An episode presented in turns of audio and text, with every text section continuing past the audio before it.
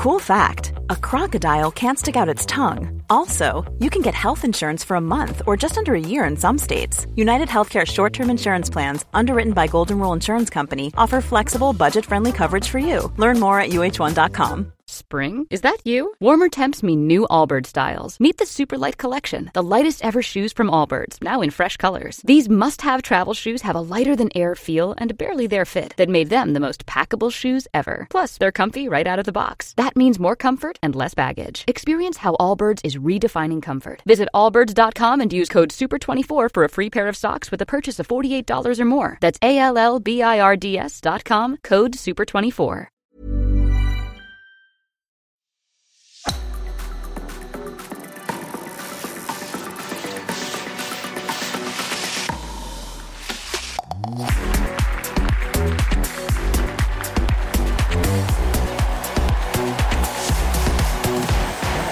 Men Da jeg, var det bare deg. ja, to uker med regn. Ja, så deilig, da. Én dag med halv dag opphold. Men ja. Oi, ja. Ja. Nei, triste greier. Triste greier. Men Skå høsten i Skåne blir sikkert fin.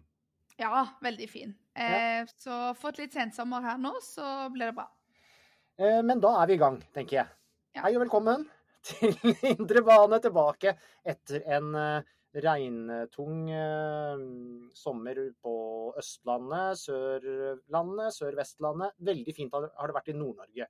Vi har ikke glemt dere. Vi er litt misunnelige på dere for en gangs eh, skyld. Hyggelig å se deg igjen, eh, Dorthea, etter, eh, etter sommerbreaket. Er du klar for en eh, spennende høst eh, med mye bra idrett på programmet? Det nærmer seg US Open og ja, i det hele tatt? Ja, veldig. Jeg craver skikkelig rutiner hver dag. Sette meg ned i sofaen, gå på flashscore, se hva fotballkamper som skal spilles. Følge med på tennis og ja, få inn litt sånn vanlig serie, både Premier League, norske fotballen. Få inn litt tennisturneringer nå, for nå syns jeg det egentlig har vært litt lite sport. Og så har det vært litt mye Jack Grealish Stridas på Ibiza.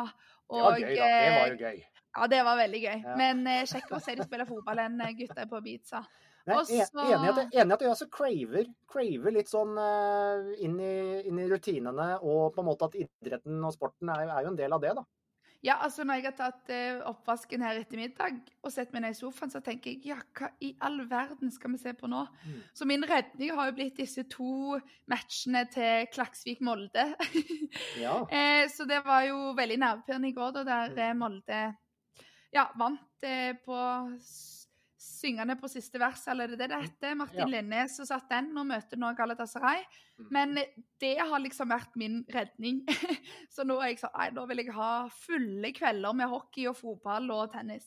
Du nevnte jo Jack Grealish som feira Champions League-triumfen eh, ganske bra en uke der. Eh, Andre ting som har skjedd i sommer, tross alt, da? Vi, er noe Ja. Eh, fotballgutter drar ut til Saudi-Arabia for å tjene penger. Ja, mange gjør det. Ødegaard fikk sitt første trofé. Eh, Ja. Ankara slo Djokovic i Wimbledon-finalen. Mm. Eh, vår danske venn Karoline Wozniacki har vært ute i tre år og åtte måneder og født to barn og gjort comeback. Og Viking er uslåelige. Viking er gode. det er jo nothing new. Men fy søren. Men jeg er litt sånn Jeg vil bare ikke denne bølgen skal slutte. Jeg. Altså, de er så gode. Og så dere nå spilte imot Lillestrøm, og så du tribunene når vikinghordene hadde gått. Det hadde ikke vært så rent ever. Så Det var, det var veldig bra, og de vant på Åråsen uten Tripic, uten Jaspek. Mm. Det er eh, det Solid. Var, ja, signal om at de har noe virkelig stort på gang. Så for å si det sånn, Viking de har trent selv om det regna på Vikingstadion i sommer. Ja, det har de, det har de absolutt. Eh, Vi er veldig glade for å være tilbake eh, med Indre bane nå og durer på utover høsten. Og vi har noen spennende ting på gang i dag. Vi skal mot slutten selvfølgelig snakke litt tennis, Dorthea. Det må vi alltid gjøre når du er med. Og så kommer sjefen for UnoX, Jens Haugland, for å oppsummere Tour de France og snakke litt om nysigneringene de jo har gjort før eh, kommende sesong. Eh, og så skal vi starte en ny spalte. Det er slutt på å snakke kun om Paris-OL i 1900, eh, men vi skal vi har en ny OL-spalte. Eh, og vi skal snakke om eh, Premier League-starten litt med Viaplay-kommentator Jørgen Klem. Men aller først så må vi jo innom eh, sommerens dynasti, Falcon Crest, såpeopera, Hotell Cæsar, eh, nemlig det norske kvinnelandslaget og innsatsen i fotball-VM.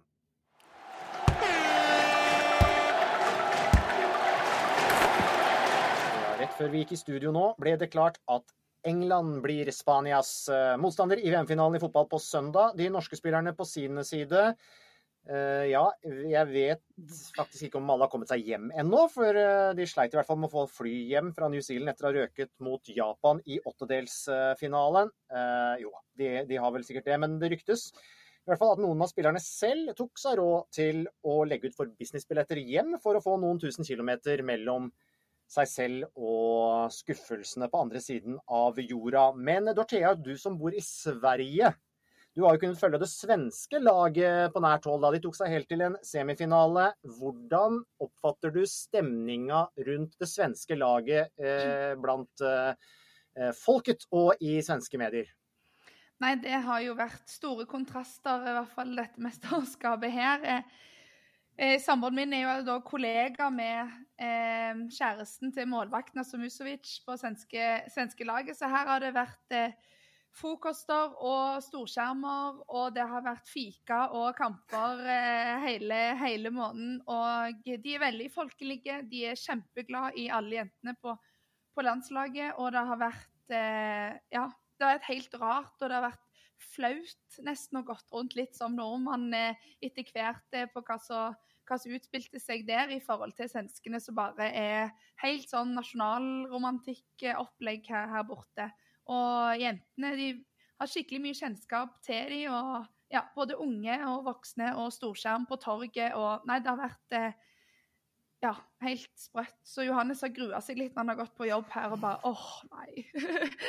men så det, eh, så det, er, det, er bare, det, er, ikke bare, at de er bedre rent sportslig, men hele, hele trøkket rundt det svenske landslaget. Ja. Der opplever en stor forskjell fra hvordan du opplever at det er i Norge.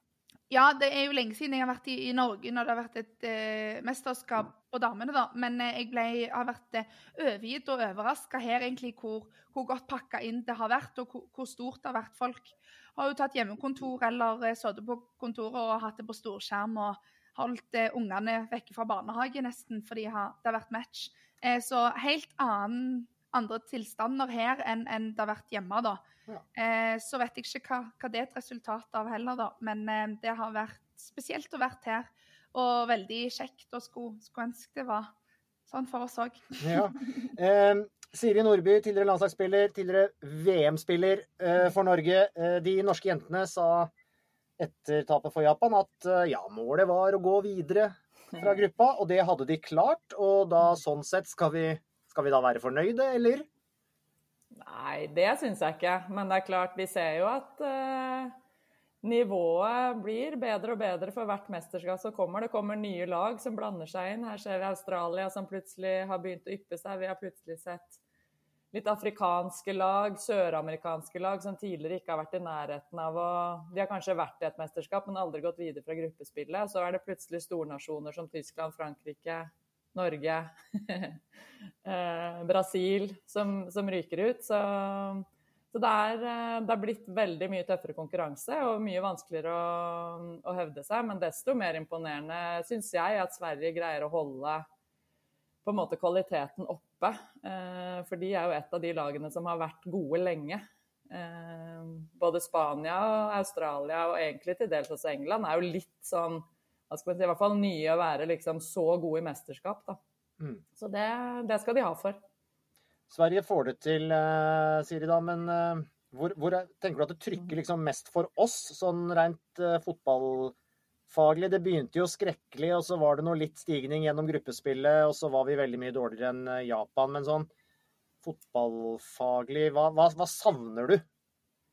Nei, altså nå er jo jeg en forsvarsspiller, da. Så jeg savner jo en eh, bedre defensiv struktur, eh, og tror at mye av tryggheten i et lag ligger i at man, eh, man får en, ja, en bedre ryggrad defensivt og i sentrallinja. Vi er for svake i sentrallinja. Det går både kanskje på spiller og spillertyper, men Men, men, også på at man i hvert fall tidligere Nå har jo ikke Hege fått så mye tid bak seg, men uh, i tidligere altså mesterskap så har vi vel kanskje sett at man har spilt en litt for ambisiøs form for fotball, i mine øyne. Jeg tror ikke vi har et mannskap som kan ha så mange pasninger eh, før man kommer seg til motstanderens banehalvdel.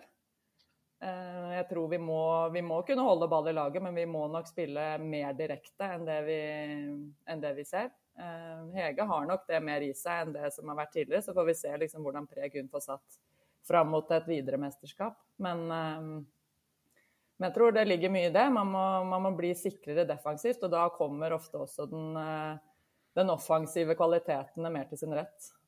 For uh, Jørgen Klem, uh, Viaplay-kommentator. I motsetning til da Siri spilte, da de største stjernene var, eh, var midtstopperne, uh, høyrebekkene, så er de største stjernene de offensive spillerne nå.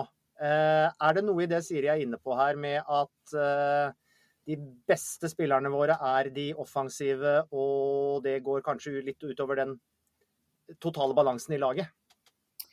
Ja, det tror jeg Siri er inne på nå. Men klart, du har ikke vært i nærheten av de nivåene Siri spilte bak der, så det, det, blir vanskelig å komme opp dit, selvfølgelig. Men eh, jeg syns kanskje helheten på det norske laget ikke er god nok. Da. Såpass ærlig må jo være når vi ser kampene, hva de presterte. og Skåret ikke mål i de to første.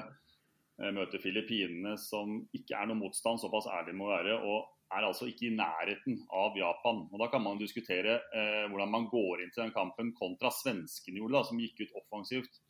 Eh, Heggi Riise gikk ut en 5-4-1. Det, eh, det, var liksom litt tapt på forhånd, tror jeg. For jeg, så liksom ikke hvordan skal man prøve å ta dette japanske laget. Skapte jo ingenting. Det var litt på slutten der kanskje, men alt i alt Ja da, vi har noen gode offensive spillere som kan gjøre litt, men det sto jo ikke veldig fram det gjelder, men var det jo skade på Hegerberg bl.a. Også denne saken med Graham Hansen. og Det er mye utenomsportslig med kvinnelandslaget, det syns jeg er så synd. for Vi må jo glede oss over at vi har et landslag som kommer til et VM-sluttspill. Se på Sverige! altså Det var inne på det her. Altså, de, jeg, har, har, fulgt det på Instagram og andre. Det er bare smil, moro. Det er, altså, det er helt utrolig. To millioner svensker så den der ene kvartfinalen var det mot USA eller uh, Japan.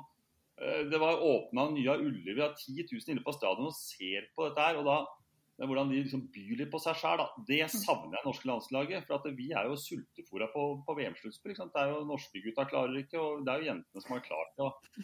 Ja, det er, ja, det er, vi har mye å lære der, altså, så vi må liksom prøve å få med oss norske befolkningen. Da. Men da må også jentene være litt blide og fornøyde, og ikke komme med sånne sutrete saker som det, det går ikke. altså, Jeg må bare få å si det. Jeg syns det er flaut. og da blir Det sånn at man min, altså, det man blir minnet på med damelandslaget, er krangling. Mm. Og det, mm.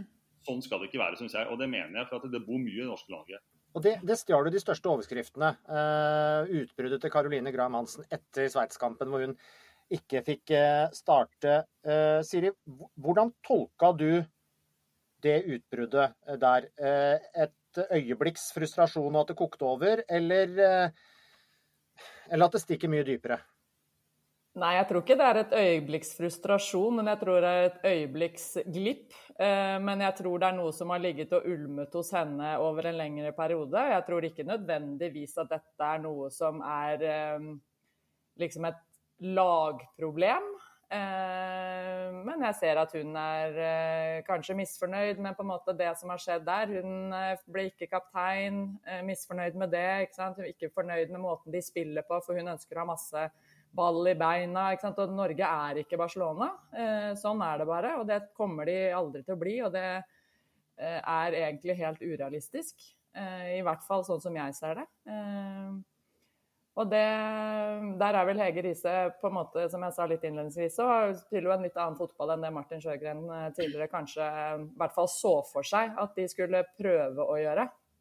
Så jeg tror at det her er egentlig et beger som bare til slutt eh, rant fullstendig over. Eh, og hvor hun bare mista det egentlig et, eh, ja, et øyeblikk der. Og jeg tror ikke dette nødvendigvis er et uh, stort internt problem. Jeg tror dette er et uh, mer individuelt problem som aldri burde ha skjedd på det tidspunktet. Uh, det burde man greid å styre. Hun er en stjerne, hun burde ha greid å, å håndtere det på en annen måte. Og det burde ha blitt gjort etter mesterskap, og ikke midt under et mesterskap.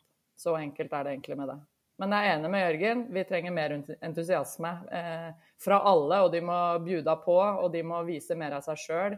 Eh, både under mesterskap, men også før mesterskap, for å skape entusiasme. Men der har jo svenskene alltid vært gode, i hvert fall på publikumssiden. De har jo, der har jo norske ja, norske tilskuere en jobb å gjøre. Man, man er ikke vært like oppe i ringa som det, som det svenskene har vært. Og sånn har det egentlig vært uh, helt fra tidenes morgen. Men, men, sånn alt det som, som, skjer, og Graham Hansen som går ut og sier det, og så kommer og beklager, og som er toppspiller i, i klubb, er de, er, er de, for diver? Har de det for godt i klubb? Eh, har de ikke nok respekt for ledelsen på landslaget? Eh, er de blitt for store for landslaget? Sant? Nå var jo Hegerberg tilbake, men alt altså, og, og Siri sier jo ikke at alle er diver, men du og Var det fem jenter, røde jenter, som eh, takket nei til landslaget de årene du, du spilte, som mm. har vært inne i det òg? Er de for store for sitt eget land, eller eh, er de misfornøyde med hvordan de blir styrt? Vet de bedre enn treneren, tror de da, eller hva, hva, hvor ligger det? Ja, det sitter jo ikke jeg inn i på en måte, Jeg har jo ikke sittet inni dette her, så det her er det sikkert flere sider av saken. Og, og ja, man kan synse og mene. Men uh, divaer tror jeg de absolutt ikke er. Og på en måte Der er ikke kvinnefotballen. Uh, vi sitter ikke Det er ingen der som sitter så godt i det at man uh, er i posisjoner hvor man føler at man er overlegen av andre. Men det er klart at man eh, blir frustrert. Man har andre ønsker. Man har lyst til å vise seg fram, man har lyst til å være god. Man har hatt en rolle i et lag, og så plutselig får man den ikke lenger. Eh, man føler seg urettferdig behandlet sikkert på bakgrunn av det, og da blusser det opp følelser som man da kanskje ikke helt greier å, håndtere. Eh, men jeg tror ikke Ja, hun er nok helt sikkert litt sånn uenig i måten man spiller på og, og taktikk, men men at man er en diva av den grunn, det, det, det syns jeg ikke. Men det er helt enig i at dette burde vært håndtert på en annen måte. Men det, men det er jo åpenbart en utfordring å balansere dette her fotballmessig òg. Du var inne på det, Siri. Eh, og når, når de si, største navnene våre og de beste spillerne er, er, de offensive spillerne Vi har Guro Reiten, Frida Månum må vi må ta med. Eh, eh, som jeg så Månum og Reiten i dag, faktisk, nominert til spillernes spiller også i Premier League i 2023. Så nye utmerkelser kanskje på gang til, til de, da. For kampen mot Sveits, hvor Ada Heigeberg var ute med skade og Karoline Graham Hansen var plassert på benken, var jo plutselig et Norge som så mye mer balansert ut og egentlig spilte en veldig bra, bra kamp. Så det er jo et eller annet med å finne ut av noe her. Og det er jo landslagssjefer som har prøvd det nå.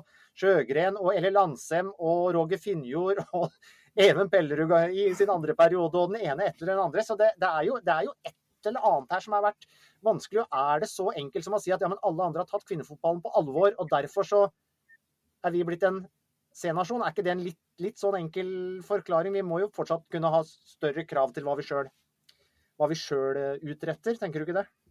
Og jeg tror i utgangspunktet at vi har mye som ligger til rette for at vi skal kunne være et topplag. Og det er vi jo fortsatt. Vi kommer også til mesterskap gang etter gang. Og bare det er jo på en måte noe som man før kanskje har tatt litt for gitt, som ikke lenger er eh, noe som blir servert på gullfat. Eh, og så er det liksom de marginene som gjør at man altså Du ser jo Japan nå tapte jo 4-0 mot eh, Nei, slo jo Spania 4-0. De ryker jo på en måte delvis tidlig. Spania ender opp nå i en eh, ja, finale eh, mot England. Eh, så det er jo hva skal man si, små marginer, men eh, du må være best i, begge, i begge ender av banen. Eh, og du må ha en struktur. Så, og Det er jo der vi ser noen av disse lagene også som har kommet opp, som plutselig altså sånn type sør, sørafrikanske lag, søramerikanske lag, som kanskje tidligere ja, de har vært gode teknisk, men så typisk så taper de i boks. ikke sant? De mm. gjør noen feil, de gjør blemmer. Og det er jo det som ofte skiller de beste fra de nest beste. Uh, og det er jo litt sånn typisk Norge òg. Vi ser jo det i den kampen uh, som de ryker ut av mot Japan, at uh, man henger jo på en måte med. Ja, man kanskje skaper ikke så mye, men det gjør Sødalen er ikke Japan heller. Og så ender man opp med å servere et par uh, brølere uh, og hadde man ikke gjort det, så hadde på en måte situasjonen vært en annen. Så det er jo liksom hadde de gått videre der, så hadde plutselig så hadde vi sittet der og snakket om noen andre ting, og plutselig hadde entusiasmen kommet enda mer fram i det norske folk. Så det er Jeg tror ikke liksom forskjellen er så store som det man kanskje skal ha det til. Men så er de store nok til at man må ta det på alvor. og Det er, eh, men det er ting man kan gjøre, og man har kvaliteter.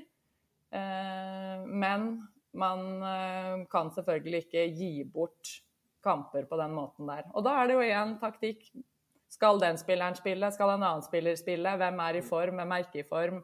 Der kunne man jo også gjort andre ting. Så det er jo trenerteamet som man må ta med seg og evaluere i ettertid. Jørgen, du har jo eh, sett mange lag da, i aksjon nå. Eh, mange forskjellige aksjoner. Eh, aksjoner. Nasjoner. Hva har imponert deg mest, og hva syns du liksom er sånn påfallende trekk ved det VM-et her? Eh, først må vi kanskje ta skåringer. Altså, jeg har sjelden sett et mesterskap med så mye flotte avslutninger av mål. Jeg har vel gjentatt meg at dette er det peneste jeg har sett av et mål og kommentert flere ganger. Men altså, det var så kult å se at det, og, og, det er ikke tilfeldig heller. Det er faktisk noen dødballer der og noen avslutninger. Helt klasseskåringer. Hun fra mm. Panama, Cox, etter ett minutt mot Frankrike, bare går og ser på det frisparket. Det er Beckham, altså fra 90-tallet, Paul Trafford. Så det, det, er det kuleste der. Tempo på kampene betydelig høyere. Mm. Eh, individuell, eh, altså individuelle ferdigheter er skyhøye nå. og Jeg, jeg har sett, jeg starta å kommentere damefotball i 2010, og jeg har sett en enorm utvikling nå når jeg følger et sånt mesterskap. altså det med å si. Eh, kjempebra, taktisk mye bedre. Altså, det har jo hevet seg nå opp på, på, en plattform som er veldig morsom å se på. Og så er det litt kult, jeg husker jo sånn i starten så var det ofte, man ofte så litt keepertabber. da, er lov å si det liksom på damesida, men det, altså, det har blitt mye bedre. da. Mye bedre. Så det var sånn, Men, men jeg, jeg, er imponert. og Bare litt tilbake igjen da, eh, til de åtte lagene som var i kvartfinalen. Jeg tror ikke Norge hadde holdt følge tempomessig mange av dem heller. Altså, jeg må bare få lov til å si det. Det går så fort. Uh, og det er uh, Nei, det er moro å se på. Altså, enkelte lag du blir ekstra glad i. Australia, altså, de røyk i dag òg, men uh, en av overraskelsene av Colombia til en kvartfinale. Og der går det jo på innsats og tæl. da? Mm. Altså, Norge er jo bedre spill enn dem, men de kommer dit, for de har lyst til å komme dit. Mm. Og de gir alt de har i hver mm. eneste duell. Og liksom ja, legger ikke noe mellom. Så, men det har vært et godt VM, altså spillemessig alt. Og høy kvalitet. Kjempebra. Bra. Eh, da er det jo egentlig bare å glede seg til eh, finalen på søndag. Er det søndag klokka tolv, da? Tror jeg. Ja. Tipper jeg. England mot Spania. Ah, det, du hører jo det. At, uh, det klassiker. Det, det, er jo en klassiker. Det er jo noe med at de store nasjonene virkelig har tatt kvinnefotballen på alvor også. Det gjør jo at selvfølgelig lista den, den uh, løftes. Så er det jo Sverige mot Australia. Det er jo kjempemorsomt da, med to svenske trenere for Australia mot Sverige. Det, den finalen også blir uh, den blir kul, altså. Bronsefinale på ja. lørdag klokka ti. Lørdag. På lørdag. Ah, herlig. Da har vi, da vi spikra helga. Nydelig. Eh, flott gjennomgang. Takk skal dere ha, Siri og Jørgen. Det skal bli mer fotball. Jørgen er med oss videre, for det var Premier League-start i helga. Dorthea, Manchester United eh, vant faktisk. Der dere før hadde Fergie-time, så har dere nå fått plassert blinde VAR-dommere på bakrommet. Eh, det er notert. Eh, jeg vet ikke hvorfor, men jeg har gleda meg litt ekstra til Premier League-start eh, i år. Jeg har liksom fått litt, fått litt fot og er litt ja, sitrer litt, gleder meg litt. Haaland gleda seg også, brukte tre minutter. Så var han i gang igjen, hjelpes. Same procedure as last year. Er du imponert, Dorthea, over Haaland som bruker sommeren i pysj, og så er han bare rett tilbake i modus? Hæ? Ja, jeg må, må si jeg er imponert eh, over starten til, til Haaland. Eh, men jeg må si, før, rett før sesongen begynte nå, så var det jo Community Shield, og da fikk Ødegaard sitt første trofé med, med, Arsenal. Det syns jeg var veldig gøy å ja. se at City kan, kan tape litt òg, og at Ødegaard syns jeg fortjente det. Eh, så han må få litt creds, han òg. Men Haaland fra, fra, push til mål, det var veldig bra. ja. Og så var det ekstremt skuffende første match fra mitt kjære United. Det var skikkelig drittkamp. Ja, du, var men, med, du var ikke noe fornøyd med, det? Nei, Wolves var gode, gode der i andre omgangen. Ja, var, ja, det ble bedre. Men uh, første omgang var jo ja, ikke kjekke 45 minutter. Men uh, utenom det så har det vært veldig, veldig gøy. Tror det er mange gode lag, jeg. Hva sitter du igjen med etter uh, åpningshelga i Premier League, Jørgen? Eh, nei, vi må gjennom Haaland, selvfølgelig. Det er jo helt utrolig hva han holder på med. Bruker tre minutter, og så setter han, og så kommer det en til. og jeg sa vel at jeg tror ikke han kommer til å oppnå en sånn sesong som han hadde i debuten. Det er nesten umulig med 36 mål, men han er jo i rute nå. og City er jo laget som skal slås, sånn er det nå. og De imponerer og ja, jeg tror de blir helt der oppe, selvfølgelig. Og, men det var Arsenal vant, men de sleit litt, de òg. Så det var ikke noe sånn overbevisende i hverdag. United var, de var svake, syns jeg. Men de vinner på en dårlig dag, og det skal man ta med seg. og Wolverhampton dem har jeg dømt nord og ned etter trenerkarusellen der og ut av dårlig økonomi, men plutselig så var det fryktelig fart. Han Konja på topp der, og sånn skapte kjempetrøbbel for United. Altså, så, ja, det er bare én kamp spilt, da, men og Newcastle, da, det er et OK, kjøpelag og Saudi-Arabia. ok, Vi får bare legge det litt til side, men altså, Alexander Isak han veier jo 60 kilo, men flate som han er, altså han rett inn på Fantasy, og der traff jeg. Så det var bra. men, men, Newcastle, men Newcastle er et lag Fantasy, Jørgen. Det måtte ja, ja, men, New... Det var kjekk kveld, grilling der, og så bare Isak, Isak. Det var bra. Ja, han var fin. Det er gøy for svenskene, Dorthea. da. Det er gøy for svenskene. Ja. At ja, Når vi har Haaland, at de også har, har Isak der. Men Newcastle er jo et lag som noen har trodd kanskje skulle få en liten nedtur i år. Etter at de sikra seg Champions League-fotball av den fine sesongen i, i fjor. Men så så de veldig sterke ut nå.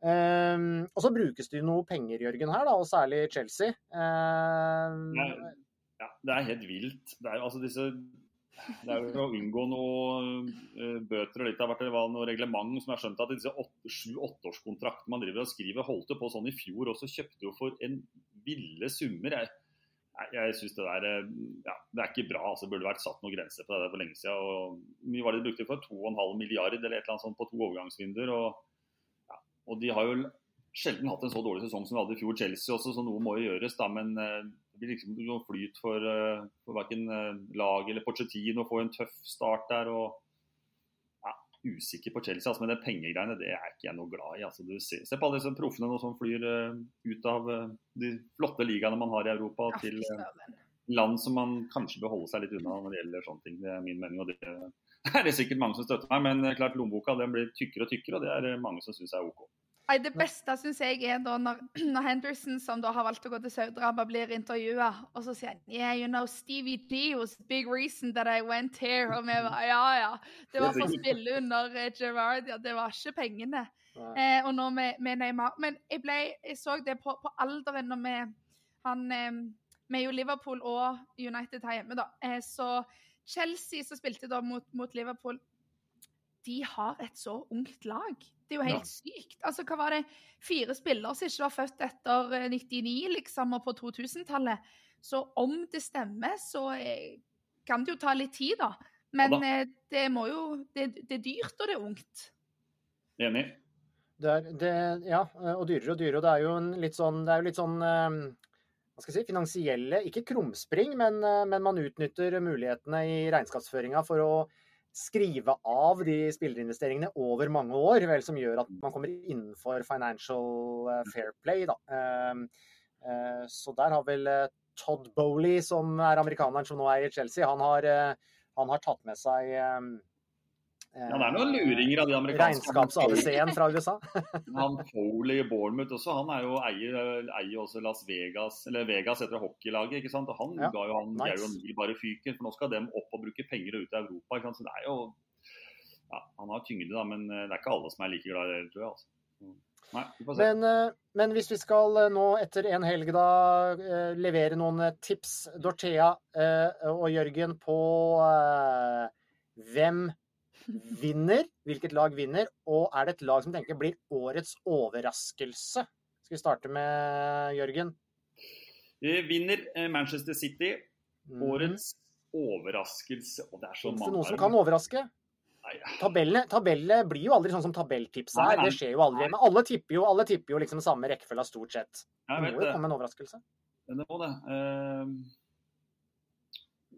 Jeg vet, vet jeg tok dere litt her på senga her nå, men uh... New, Nei, nei, Newcastle altså, de kan jo fort være med helt her oppe. Hvis de for tar en annen plass, så er det en overraskelse. og Det er ikke umulig.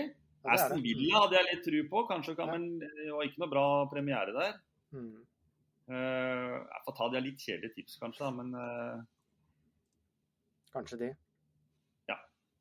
vi Det ville være, det ville være en kjempeoverraskelse hvis Manchester United gjør det bra, Dorteas, men eh, er helt svett i hendene her jeg sitter.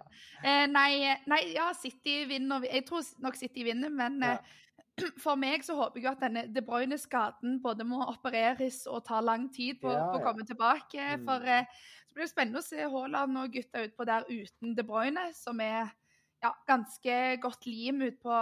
Viktig å ha utpå der for City. Eh, så ja, kan være de får en litt tøff start og videre de neste rundene. Hvis eh, operert og ute i fem-seks måneder og, Mm. og litt sånn. Men de har jo vanvittig dybde i stallen òg, da. Men eh, nei, jeg tror eh, Selvfølgelig er jo City favoritter. Jeg eh, liker jo faktisk litt og syns jo det er veldig gøy med, med, med Ødegaard, da. Men jeg har jo litt sansen for at Arsenal utfordrer de, eh, om det er lov til å si. Eh, så håper jeg jo selvfølgelig at eh, Mitchell United gjør det veldig bra. Men jeg syns jo det var litt gøy nå med, med Brentford, med både Ayer eh, og med eh, Christian Mange dansker. Manske, mange dansker. Ja, ja. Ja. mange dansker. Og, og Nørgaard der, som er vel eh, kaptein òg, eh, liker veldig godt eh, kona sine bilder på Instagram. Hun har veldig fin stil, hvis folk vil gå, og, gå og se på det. Eh, også med, med danske trenere der. eh, Veldig gøy. Så Mm. nå første matchen mot Tottenham. Det blir spennende nå med Tottenham hvordan de skal klare seg uten Kane. Så får vi se om noen blir fris frista til noe Saudi-tilbud, sånn som de andre, eller om stjernene holder seg i Premier League. Men eh, City blir nok vanskelig å slå. Eh, så håper jeg jo da at eh, United òg holder seg på topp. Og så hadde det vært litt kult med dansken og Brentford, som om de hadde hatt en kul, bra sesong. Herlig. Eh, Dorthea, eh, på lørdag, vet du hva jeg skal da? Nei. Skal du over dammen? Holdt jeg på å si.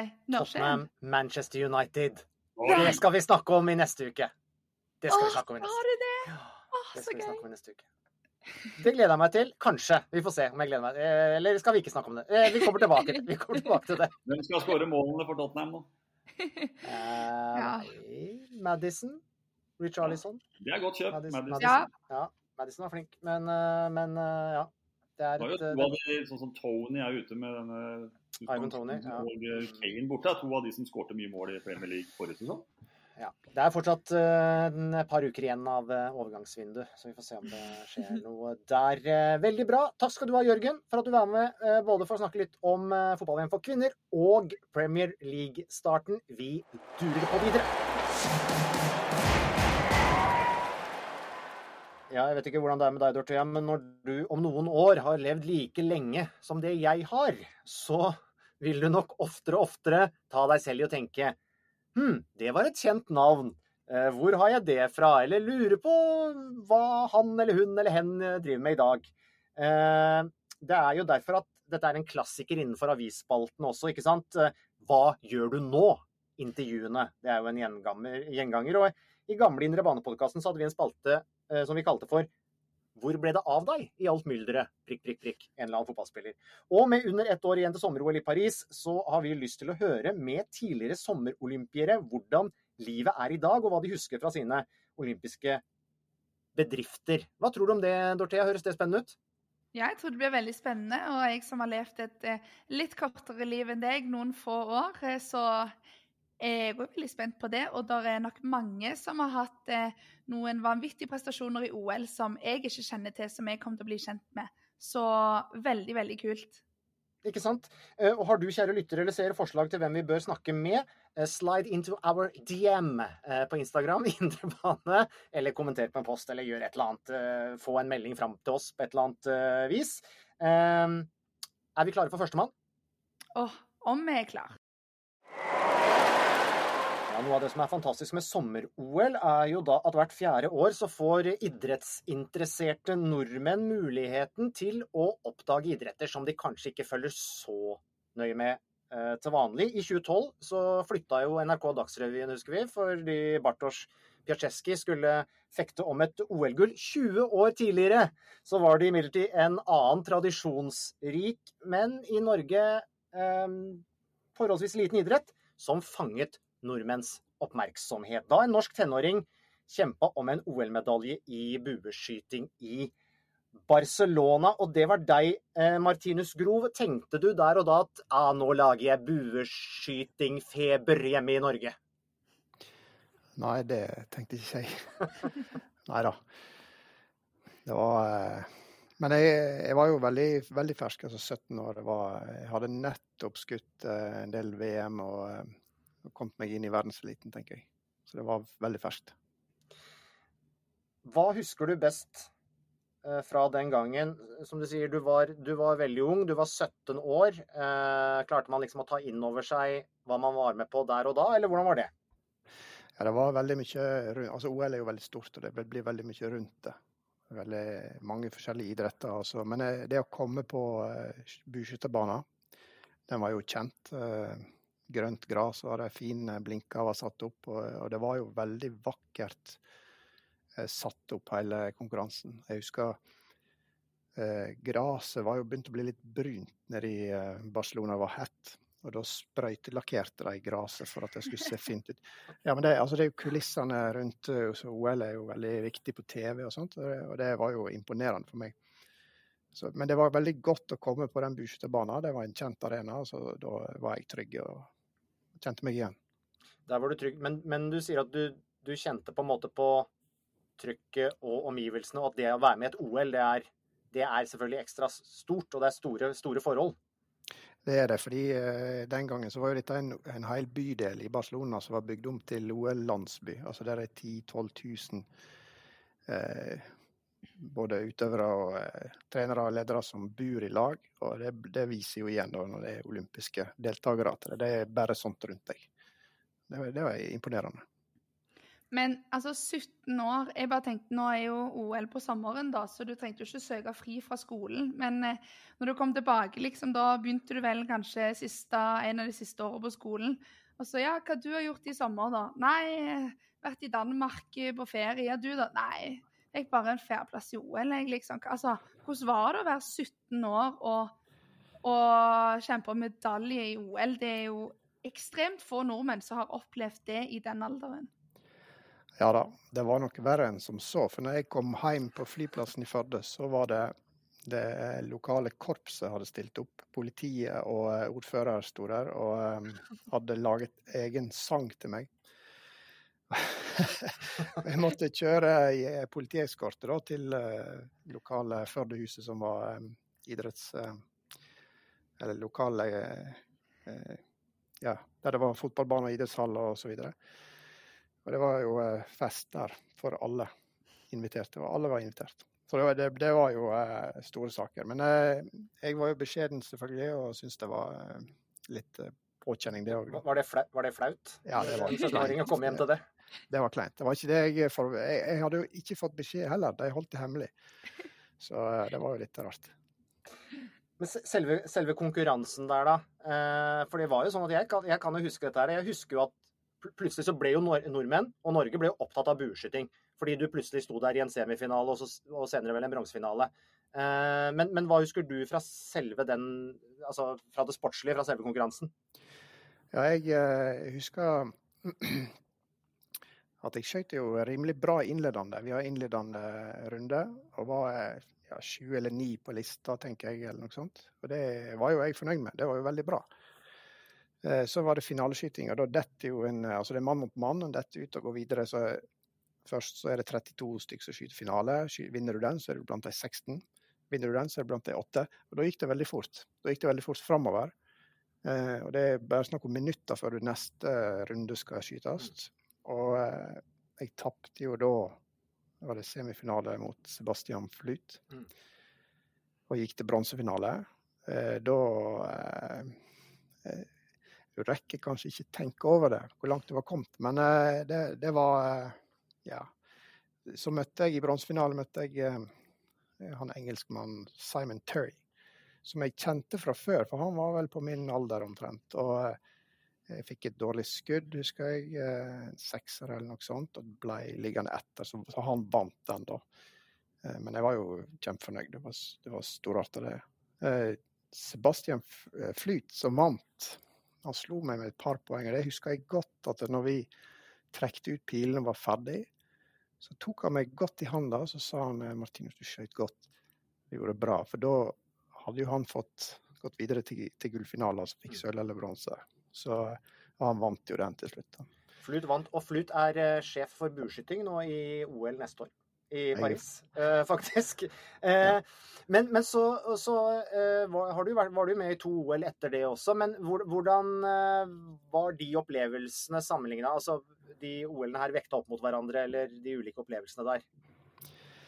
nei, så Det er jo fire år seinere at jeg er i Atlanta. Da har jeg jo skutt ganske mange stevner, VM, internasjonale konkurranser, EM osv. Så, videre. Så da var jo jeg veldig, veldig godt etablert i verdenseliten. Jeg, jeg kom til OL i, i uh, Atlanta som nummer én i verden. Uh, fordi jeg hadde flest gode Altså gjennomsnittet mitt var det beste resultatet på VM og EM. Og så hadde jeg jo med meg fjerdeplassen fra OL. Så jeg var jo litt sånn favorittstempel. En av favorittstemplene, kan jeg si der. Så det var jo Da skulle jo da skulle jo dette her gjøres, tenkte jeg. Men bueskyting er ikke så enkelt. altså En skyter finaler, en går i videre eller blir slått ut, så det, det er fort gjort å bli nummer 20 eller nummer to. Det, det er fort eh, at det slår den veien. Så, så da ble jeg nummer 15, tenker jeg. Uh, og et, etter OL i 2000 så, så, la du opp, men så er det ikke så lenge siden du hadde et comeback. Uh, faktisk, ja. som endte med en, en ny NM-tittel. Var det i 2019? Ja, nå er, nå er, ikke du helt oppdatert, for det var nå på søndag var jeg med på NM. Og da vant jeg òg. Da vant du òg? Ja. ja, ja. Men du sa jo etter 2019 at nå skulle du legge opp igjen? Jo da. Altså, jeg, jeg Nei, men jeg, jeg, orker ikke stå i det hele tida. Det, det, krever jo trening og det krever forberedelser. Det som jeg gjorde i år, det var at jeg begynte å skyte i påske. Så har jeg en lang lærerferie, så jeg eh, ønsket å prøve litt grann, eh, igjen, da. Så jeg har skutt en del konkurranser i år. Men jeg, jeg kjenner at eh, alderen begynner å ta litt. Så nå, nå, legger, nå, legger, du opp på nytt, og så gjør du et nytt comeback om noen år? Ja, nei, altså Vi har en, eh, vi har en klasse i bueskyting som går fra 21 eh, år til 50 år. Mm. Så har vi en, en, ny klasse som er en sånn eldre herre, herreklasse for 50. Så har jeg sagt at kanskje jeg skal skyte i herre 50 neste år. Ja, Men vi får ja, se. Ja. ja. Da, da, er du plutselig yngst i, yngst i klassen. ja. men, men, jeg lurer på, er det sånn at du Altså, du hadde tre OL. Eh, du hadde vanvittig suksess, egentlig. Altså, du var jo skoleelev eh, fram til godt opp i, i 20-åra, og så la du opp, stifta familie, og nå voksen alder i jobb. Altså, Skyter du mandag til fredag, to timer til dagen? Er det sånn som du sier, du gjør det litt i påsken, og så blir du norgesmester? Det høres jo veldig lett ut. Nei, eh, det er ikke sånn at jeg skyter Jeg, jeg eh, tenkte jeg skulle forberede meg godt i NM, så jeg skyter hjemme i min egen hage.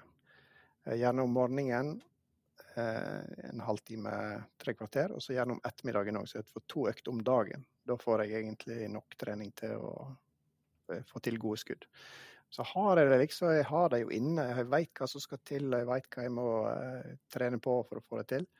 Men det er ikke så lett. Jeg trodde det var lettere enn det, det, det var. Jeg får ikke helt til de gode poengsummene som jeg gjorde da jeg var 20. Jeg gjør ikke det. Så jeg ligger 20, 20 poeng bak det som jeg kanskje kunne ha hatt om en ung og sprek kropp, tenker jeg. Og du, jeg bare lurer siste ting. Hvor hvor lang tid tok det Jeg snakker litt sånn, for jeg lurer på det sjøl òg. Til du fant altså, den idrettsgleden og den kosen med bueskyting etter du la opp. Hadde du det med en gang etterpå, eller måtte du ha litt tid vekke fra det før du fikk den liksom, gleden at du kunne kose deg med det? Ja, det, det, er sant som du sier. Altså, jeg var veldig mett etter OL i 2000. Da, da, gikk det lang tid før jeg kunne skyte. Men uh, ja, det gikk vel 15-20 år kanskje oh, før jeg uh, jeg, må, jeg må, si ja, men jeg har hatt litt den følelsen at nå ønsket jeg å skyte litt uh, godt igjen. Ønsket å trene litt og har nytt av det. da. Hatt en, hatt en god sommer i år. Hvordan ser, ser framtida for norsk bueskyting ut? Hva, hva, hva, rører seg der? Nei, der er, jeg syns det er veldig mange flinke skyttere. Jeg har sett det. Vi har Eh, gode talent på gang. Og det er sånn både i buskyting og andre skytesporter. Av og til så kommer det en skytter som kan dette her litt bedre enn alle andre, som blir veldig god. En veit aldri når det skjer. Så det er liksom bare å håpe på at vi får en sånn utøver igjen, da.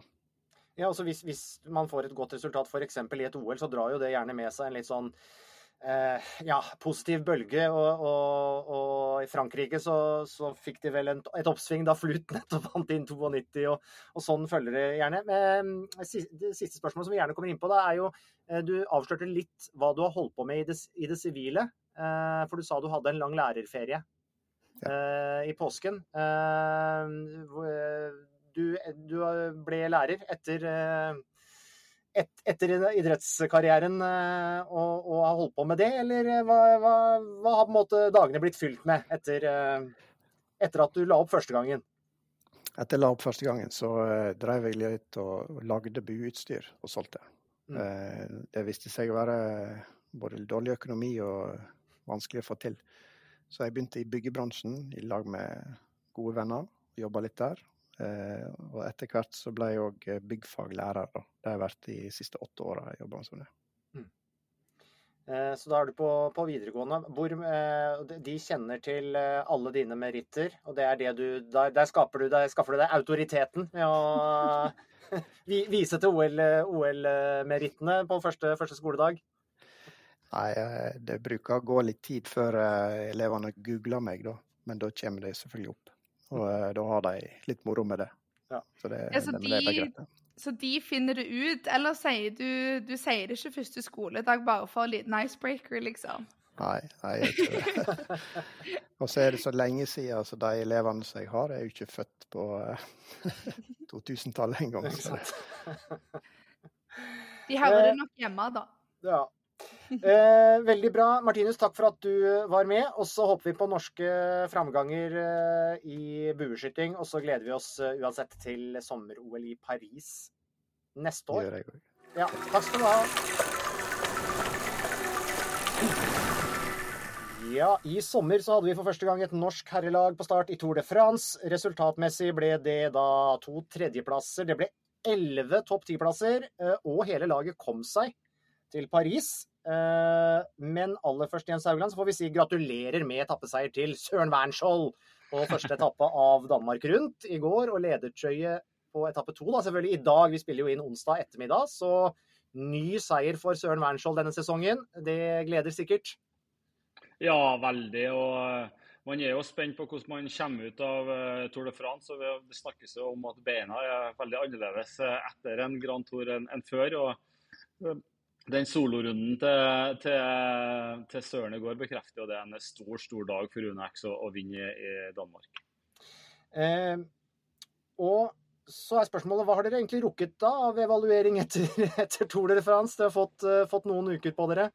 Ja, du verden. Det var noen voldsomme uker. Selvsagt eh, ekstremt eh, intenst. og Det tar nok fortsatt litt tid for systemet å få det litt på avstand og klare å, å evaluere det ordentlig. Men vi, vi, vi, reiser jo derifra med en følelse av at uh, det er nærme. Det er nærme det helt store. Um, samtidig som vi ser at det er et par andre som er gode til å sykle i, i verden òg. Um, men, men, det er klart, hele systemet gjennomfører en veldig vellykka sommer, som jo gjør at fra fra du starter til du er ferdig, så har du løfta deg ganske mye. Så uh, nå gjelder det å, å, treffe litt på forberedelsene til forhåpentligvis neste Grand Tour til neste år. Da. vi har lært litt i forhold til treningsforberedelsesarbeid, og så vet vi litt mer om gjennomføringa under selve rittet. og Totalt sett så er vi veldig sportslig fornøyd, og så er det nyanser i det som gjør at vi vet at vi kan bli bedre. Hva var noen av de liksom store overraskelsene som dere har nå, altså, opplevd nå i Tour de France eh, på ja, egentlig alle aspekt? Hva var dere mest liksom satt ut med som dere kanskje ikke var visste skulle være sånn?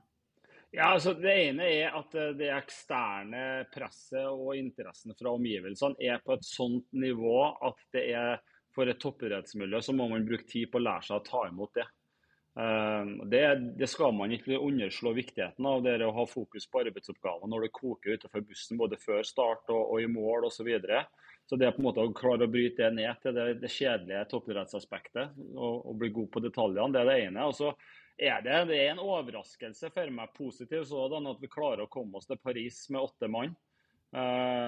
Så fersk som vi tross alt er i det gamet, og at vi, at vi klarer å stå i det kombinert med, med veldig mange gode prestasjoner. Det, summen av det gjør jo at vi blir positivt overraska. Og så må vi bare lære oss å styre inn energien vår enda råere fremover, tror jeg. For er, eh, altså, eh, belastningen én ting det fysiske, men du er jo inne på alt det andre. Eh, er, altså, er det så mye større i et treukersritt som Tour de France enn det man har lært, at, lært seg å leve med gjennom hva skal jeg si, endagsritt eller mindre etapperitt? da? Er forskjellen så, virkelig så stor? kan ikke sammenlignes. Mm. Det er helt uh...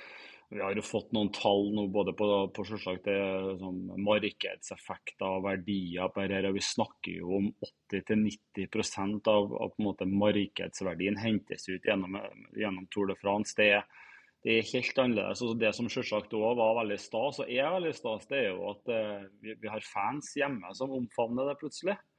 Eh, og det, det at vi klarte å komme tilbake til den at folk faktisk hadde lyst til å sjekke på ettermiddagen hvordan det skulle gå i spurten i dag når Rune X skulle spurte, at vi havna der, det, der har vi ikke vært før.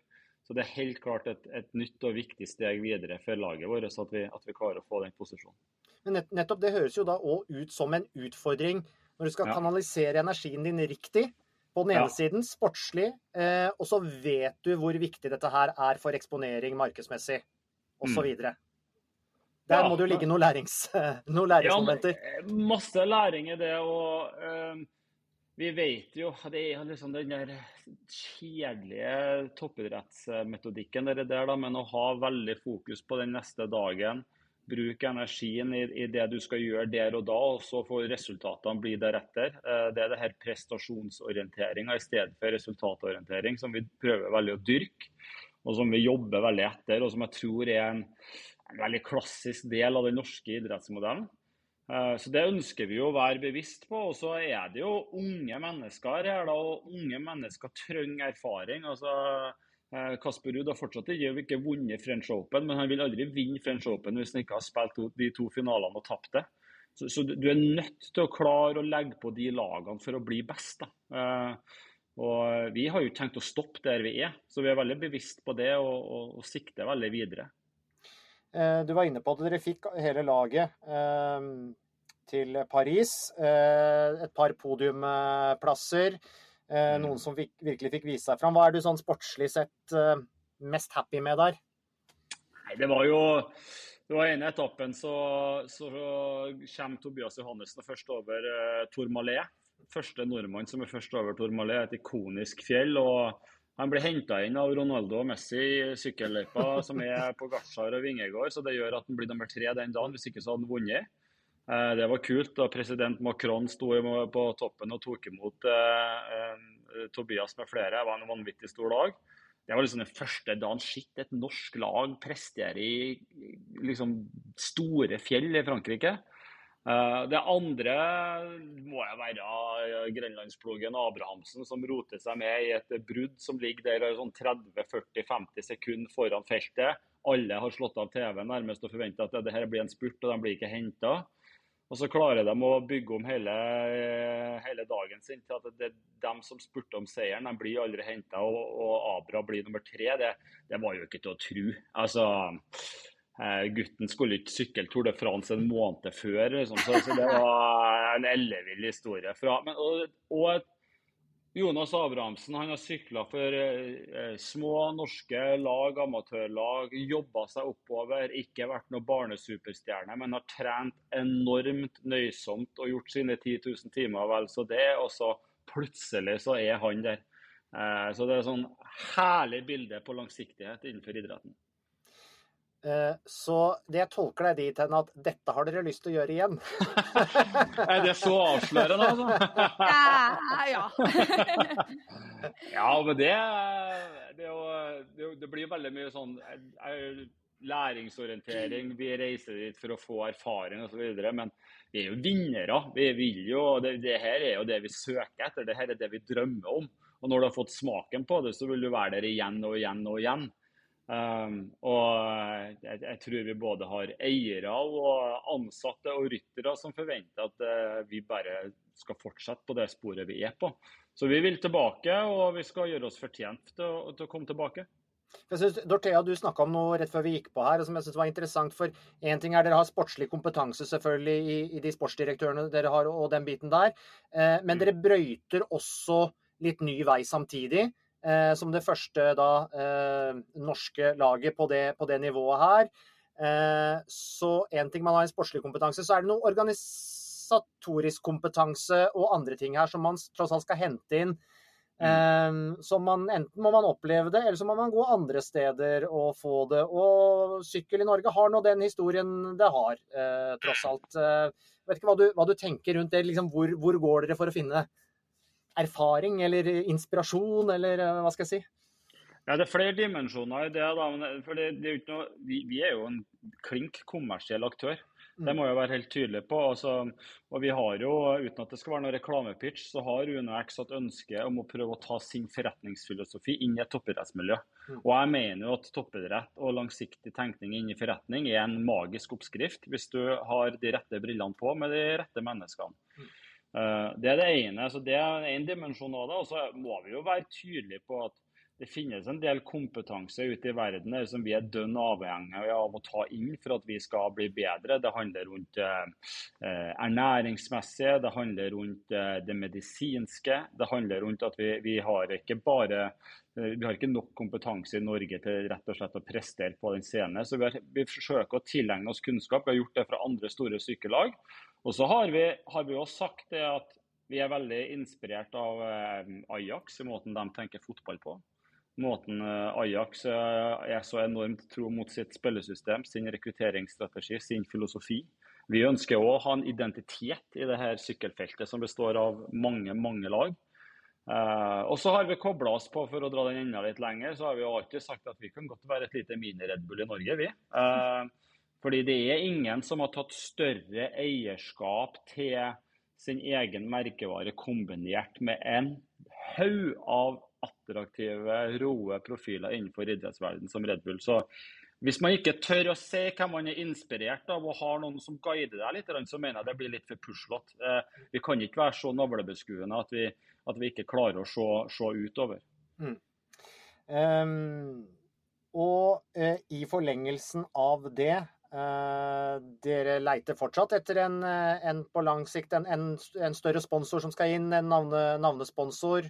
Jeg vet dere har fått noen tall nå mm. på hva eksponeringsverdien var i, eh, for deltakelsen i Tour de France. Eh, mm. hvor vi snakker mange, mange hundre million, millioner i eksponeringsverdi. Eh, hvor, hvor, står det arbeidet i dag, og hvor, hvor, hvordan måte, har Tour de France hjulpet på der? Fordi du har jo også snakket om tidligere at dere er jo så veldig nøye på hvem det er som skal inn. Er det ikke det? Og det, dere, du, du, prøver å du måte, si at det er en veldig tydelig identitet dere skal selge inn her, som kanskje snevrer inn litt hvem som kan være aktuelle også for å gå inn i et sånt samarbeid? Ja, det tror jeg du har helt rett i. Altså, eh, vi driver jo her, vi, vi, sender jo ikke pengene ut til Ola Nordmann, så sier vi Ola, vær så god, ta vare på de pengene her og prøv å lage et godt sykkellag, og vi er sponsoren din. Vi driver jo og eier her sjøl innenfor vår egen virksomhet, så allerede der så snevrer du det litt inn. Det som når du refererer til, fordi eksponeringsverdien eh, som er gjennomført av Infomedia, da, en tredjepart, bare for å være tydelig på det, mm. så snakker man jo om eksponeringsverdier i underkant av en milliard kroner. Men det som er veldig viktig, er at den eksponeringsverdien handler ikke bare om UNX-merkevaren. Vi står for ca. en tredjedel av den eksponeringsverdien, men vi har jo mange andre eh, merkevarer på trøya vår og med oss som også har massiv eksponering. Og det her er det vi må prøve å nå gjennom med. da. Så hvis du har noen gode tips eh, på, liksom, jeg, jeg trenger ca. 50-100 millioner kroner i året i fem år fremover, så skal vi klinke til enda mer. eh, og så har jo vi, Dorthea, litt tidligere i vår, så var det i hvert fall en periode vi snakka veldig mye om Andreas Leknes Sund. Eh, da han sykla i rosa eh, i, nede i Italia. Eh, nå er han en av Eh, nyervervelsene foran eh, kommende sesong. Magnus Kort, Markus Holgaard, Jonas Widerberg. Så dere henter eh, hjem noen norske, sper på selvfølgelig med av store, et av de store danske navnene. Man er jo i en sånn periode på sesongen nå hvor man også begynner å tenke neste sesong og kommende sesongen. Hva, sesonger. Hva er den overordna strategien nå, Jens, for, for hvordan dere liksom setter sammen stallen av ryttere? Ja, og dere har jo dere har mista to òg, da. mista ja, har... to bra ryttere. Ja, det har vi. Og nei, ordentlig gode spørsmål, rett og slett.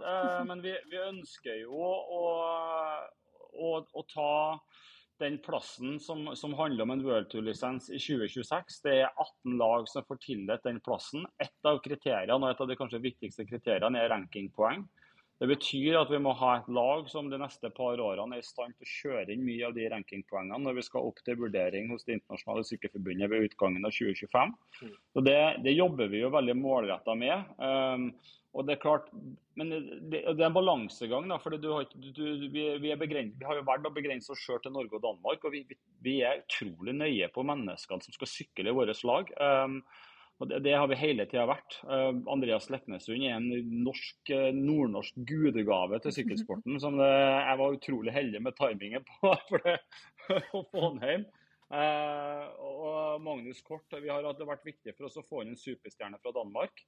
Men, men begge hentes jo også inn fordi vi forventer at de skal kjøre inn solid med poeng for oss. Og vi kommer til å innrette programmet vårt òg etter, etter, det å hente poeng. fordi vi ønsker jo å ta det steget opp, det siste steget opp til World Tour. Vi er jo i divisjon under foreløpig. Dere er på pro-nivået, og så er det da altså nå en treårsperiode, inkludert denne sesongen, 23, 24, 25. Og så samler man poeng over den sesongen. Og så da etter 2025-sesongen så er det på en måte et, det er et nedrykk og et, eh, altså det er nedrykk og opprykk. Og de 18, 18 beste lagene i den perioden blir nye World Tour-lag. Og så får vi si at dere allerede har et World Tour-lag på kvinnesida. Det er viktig å si. Ja, det har vi òg. Og så i all beskjedenhet så mener jeg jo at vi har eh, et organisatorisk og strukturelt bøtelag på herresida òg. Det, mm. vi, det er ganske, vi, vi, ligger bra an i sjiktet der. Vi er vel lag tolvteplass på lagrankingen eller noe i Tour de France, tror jeg. Også på pengelista i Tour de France, som viser um, som er det på en måte et veldig godt bilde på hvor vi står hen. Men så er det jo det som er veldig eh, viktig i tillegg, da, det er at i den kategorien vi er i nå, så har vi aldri vært topp tre. Mens i år så ligger vi på en klink tredjeplass. Mm. Uh, og Det betyr jo at uh, invitasjonen kommer automatisk til alle eiendags worldtour-ritt. Paris-Roubais, Flandern, Giro Lombardia, Milan San Remo, den type ritt. Og Det er neste steget. Og Så er vi nødt til å bruke det momentumet der uh, til å hente enda flere poeng og sørge for at vi kommer oss inn på den topp 18-lista. Sykkelsportens curse and blessing det er jo at uh, det er sjelden at alle worldtour-lag klarer å stå seg gjennom en full treårssyklus. Uh, det handler om forretningsmodellen og sponsorer som reiser litt hit og dit. Så vi får se da, når, når vi er på høsten 2025 hvordan den verden her ser ut. Dette var jo et lag før denne sesongen bl.a. som uh, om de hadde overlevd, kanskje, kanskje det ikke hadde vært like lett for Uno X å få et wildcard til årets Tour de France. Det er jo noen sånne ifs and buts. Som, ja, det var, det var deres curse og war blessing. Ja, det, var, det var, akkurat det. det var akkurat det. Det er deilig når det går den veien. Er det da, det deilig, det. Spesielt, da når, når, spesielt nå. Når dere trenger disse poengene, og dere henter de dere henter, da tenker dere også at det er en, en spes, altså, er det spesiell type ritt? Er det endagsrittene type klassikere, ser man mer det enn sammenlagtkandidater i mindre etapperitt f.eks.? Altså, hvordan tenker man rundt akkurat det? 75-80% av våre poeng kommer fra endagsritt. Mm. Um, så det vil si at spesielt de aller hardeste enukers etapperittene der vi konkurrerer mot en Vingegård eller en Remco eller en Primoz Roglic, de er krevende. og De krever massive forberedelser, høyde osv. Og, så og mye ressurser går inn med risiko for at du ikke drar mye poeng ut. Um, så det gjelder å ha en solid dose av eiendagsritt, som uh, ikke bare er på det aller høyeste nivået, for du får mye poeng for uh, kategoriene under òg. Og så gjelder det å være smart på hvordan vi distribuerer laget. da. For Hvis vi bare for bruker Alexander Kristoff i de aller største rittene og ikke tar det ned et nivå så vil det kunne være sånn at Alex ja, fort blir, top, blir topp ti på det øverste nivået, men så vinner han på nivå to. Og den mm. seieren på nivå to er utrolig mye verdt. Og det er, det, Bare for å illustrere dette her, da. Eh, bare nå i Tour de France, for der henter vi bra med poeng. Men det gjør vi fordi at hadde, hadde vi blitt 15 i sammendraget, så er det halvparten av poengene du får for tre topp fem-plasseringer på en etappe. Mm. Så det er klart, de her etappeplasseringene er veldig veldig mye verdt sett opp imot et sammendrag. Sammendrag er stein artig. Det er noen ting som er veldig media. Jeg elsker det. Jeg kan snakke om kan vi, kan vi få en norsk sammenlagtkandidat over tid. Ja, det kan vi. Men vi, det å rigge et system etter det, det etter å bruke all vår penger Tenk, tenk om vi hadde en rytter Nå reiser vi til Tour de France, så snakker jeg meg litt bort. Reiser til Tour de France, og så sier vi Tobias Johannessen, du er vår sammenlagtkandidat. Så tryner han i andre svingen, og så er han ute av rittet. Mm. Og så sitter vi der i 21 dager og, og peller oss i nesa og lurer på hva vi skal finne på. Mm. Det, vi er ikke der som system, i hvert fall ennå, at vi skal tenke sånn. Eh, vi skal være ekstremt sultne hver forbanna dag vi sykler. Eh, det er lov å bruke huet, skal vi konkludere med det? Og tenke litt, jo, må tenke litt strategisk. Ja, Drillo, var, Drillo, var, jo en ekspert i å eh, arrangere treningskamper som gjorde at Norge klatra mest mulig på rankingen før man skulle inn i en ny EM- eller VM-kvalik. For eksempel. Så man må jo, man må jo spille, systemet sånn det fungerer. Sånn, sånn er det jo rett og slett. Ja, man må det. Og det her, er veldig uvant for sykkelsporten. Det her, det her, har vært en sport som har handla mer om hvem du shaker hands med over et bord og mm. smalltalker med i Frankrike. Mens nå er det i ferd med å bli mer objektive kriterier, der heldigvis er det sportslige og det strukturelle som teller. Og gud bedre hvor bra det er. Takk for det. Liksom. Kom, kommer, det nye, kommer det flere store navn i løpet av de neste ukene?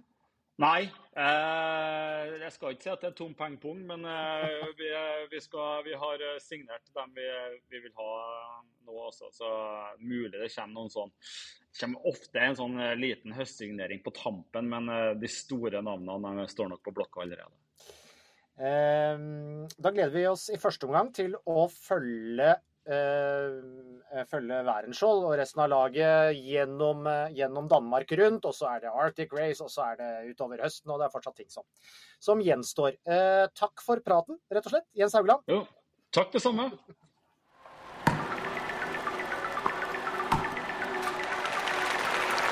Vi nærmer oss avslutningen, Dorthea, men vi må jo snakke litt tennis først, selvfølgelig. Det er ikke lenge til US Open. Akkurat nå så eh, pågår turneringen i Cincinnati.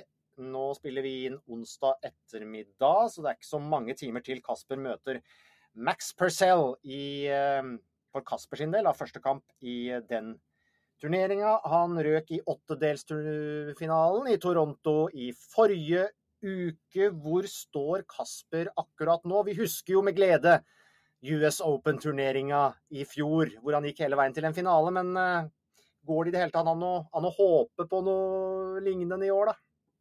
Ja, det syns jeg virkelig. Han har jo spilt til og med en Grand Slam-finale siden den gang. Så Kasper tror jeg eh, kommer inn med, med ganske høye forventninger sjøl òg, i og med at han har hatt så suksess i New York i fjor. Um, nå var det en liten skuffelse kanskje med turneringen som han hadde i Toronto, der han gikk til en semifinale i fjor. Jeg kommer nå inn til Cincinnati og eh, gikk på en skikkelig skrell her i fjor. Så vi håper at den skrellen blir en ferdig med siste uka og får skikkelig suksess. Han er nok avhengig av å vinne et par matcher denne uka eh, for å få en ekstra godfølelse inn i Grand Slammen. Og det er jo veldig mange runder da for å komme helt til en finale i Grand Slam, så det handler vel bare om å spille seg i form, så blir det spennende å se. Jeg ser han har spilt litt golf i det siste, i hvert fall.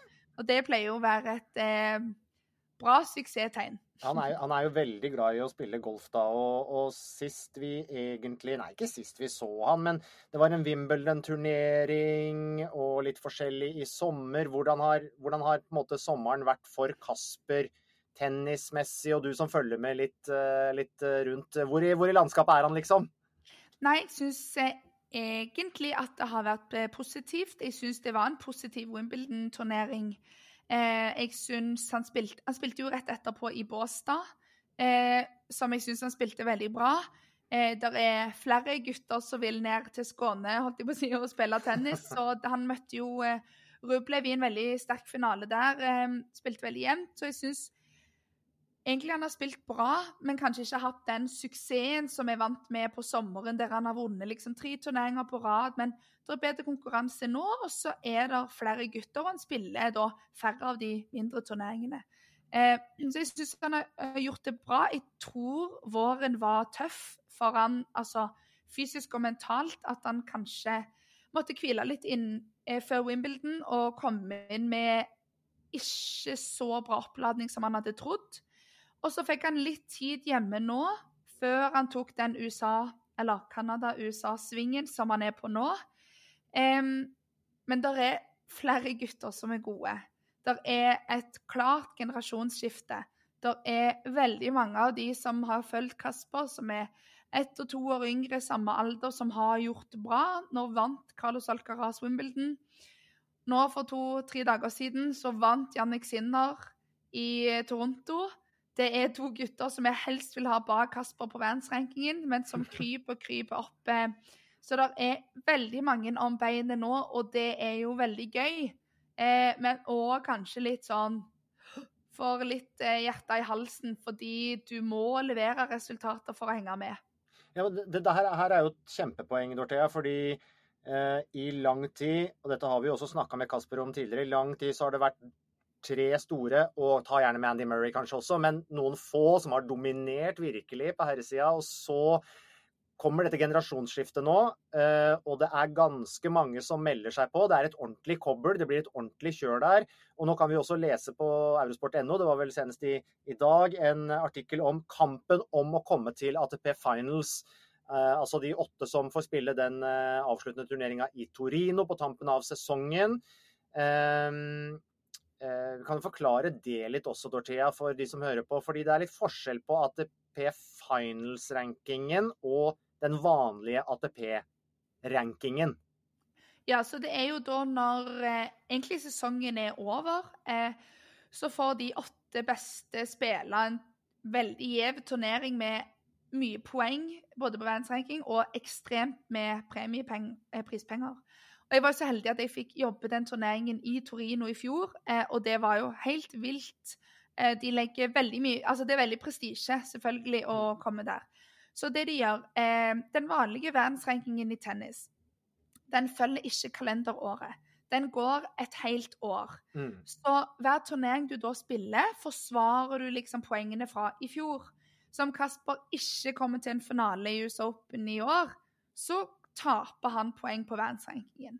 Ja. Og så har du denne ATP Live, eller Single Race, som de kaller det da. Som er denne Race to Turin. Um, det er da Torino. ja, Torino, det er Ja. riktig. Og den følger kalenderåret. Ja. Eh, så da kan du være dritgod egentlig bare i år, eh, og ikke ha noen resultater fra i fjor, Nei. og komme veldig høyt opp på listen. Så da får du liksom mer igjen for de turneringsseirene da. Mm. Og eh, det er liksom mindre som skal til i hermegåstegn for at du får en skikkelig boost. Så den rankingen følger kalenderåret 2023, og der er det da de åtte beste. Men hvis det er en utenfor topp åtte som har vunnet en Grand Slam, så blir han direkte kvalifisert. Nettopp. Så det er jo en liten sånn kabal som skal gå opp. Og der ligger jo Kasper litt sånn skummel. Han ligger utsatt til ja, det kan vi si. Ja, ja. Eh, og det er flere som er gode. Eh, sånn som du fortalte, det er tre-fire som har bare kjørt hele løpet. Nå når Alcaraz vant Wimbledon, så var jo ikke han født sist det var én utenom de fire store som vant. Så det sier jo sitt. Det er jo liksom 2003. Mm. Eh, jeg hadde jo ikke begynt på skolen da en gang når noen andre vant. Og det er jo helt vilt, egentlig, den bølgen vi har hatt nå. Og nå er det dessverre, men òg veldig gøy, men veldig mange gode unge. Jeg vil egentlig si 15-20 spillere eh, som kjemper om, og som er da på topp, er gode nok for å komme topp åtte.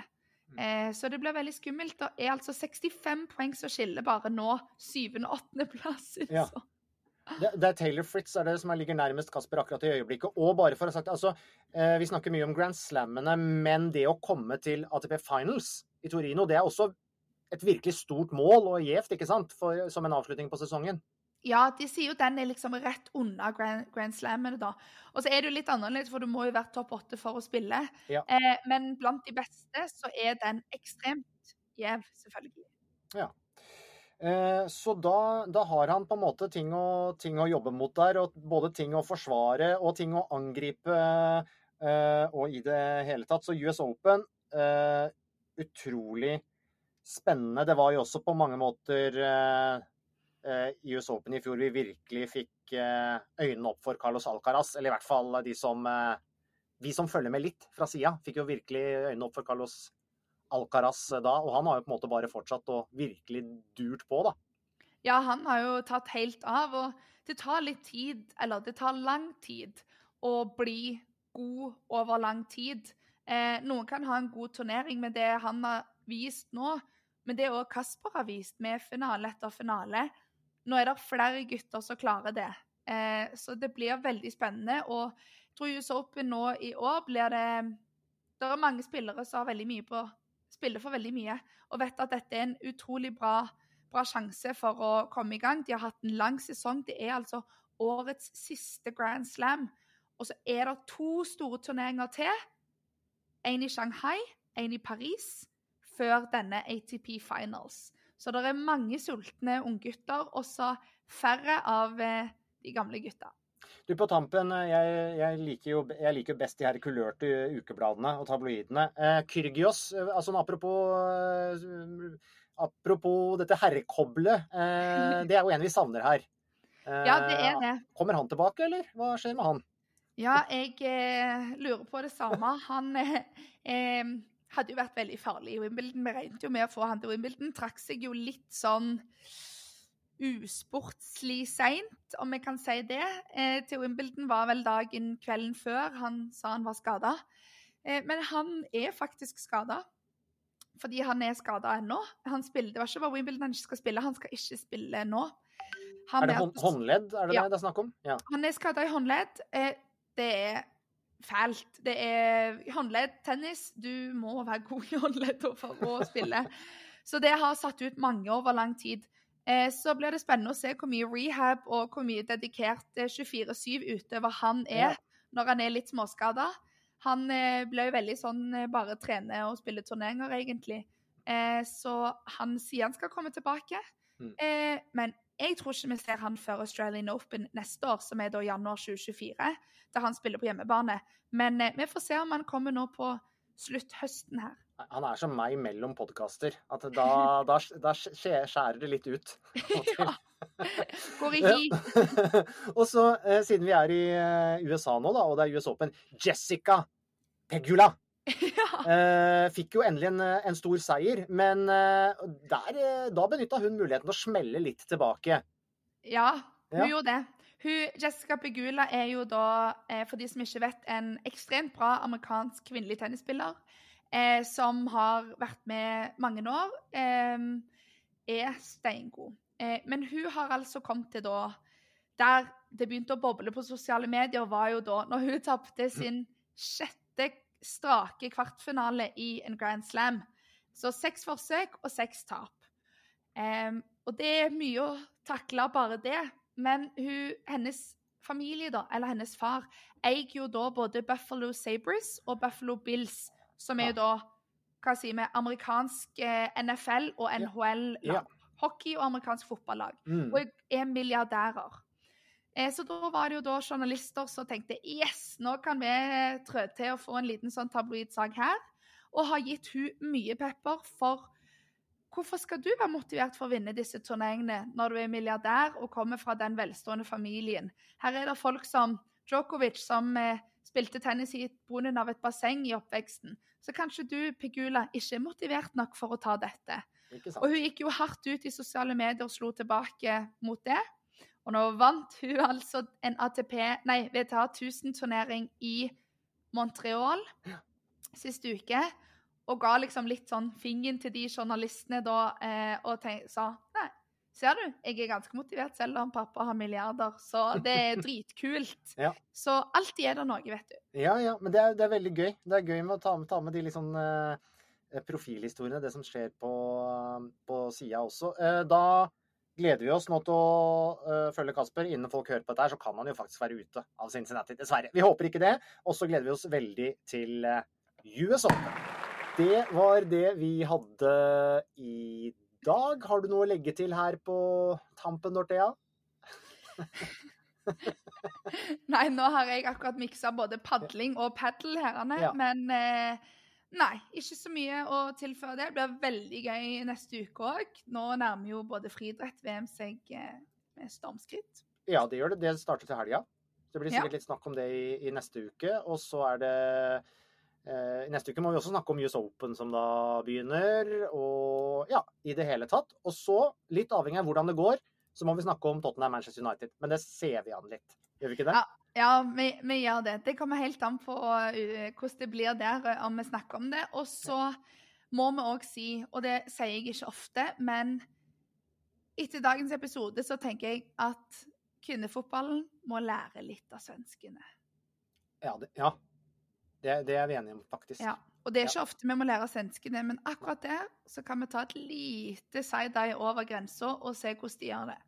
Der er, de, ja, der er de rett og slett bedre enn oss. Får vi bare innrømme. Vi er bedre i nesten alt Ja. annet. Husk å følge oss på Instagram. Indre bane heter vi der. Og der kan du også gjerne da eh, komme med tip- tips til hvem vi bør snakke med neste gang i eh, Hva gjør du nå? Spalten vår med tidligere sommerolympiere. Det var uh, Dette var det. Hva, hva sier du til slutt, Dorthea? Vi sier bare 'snakkes'. Snaggis.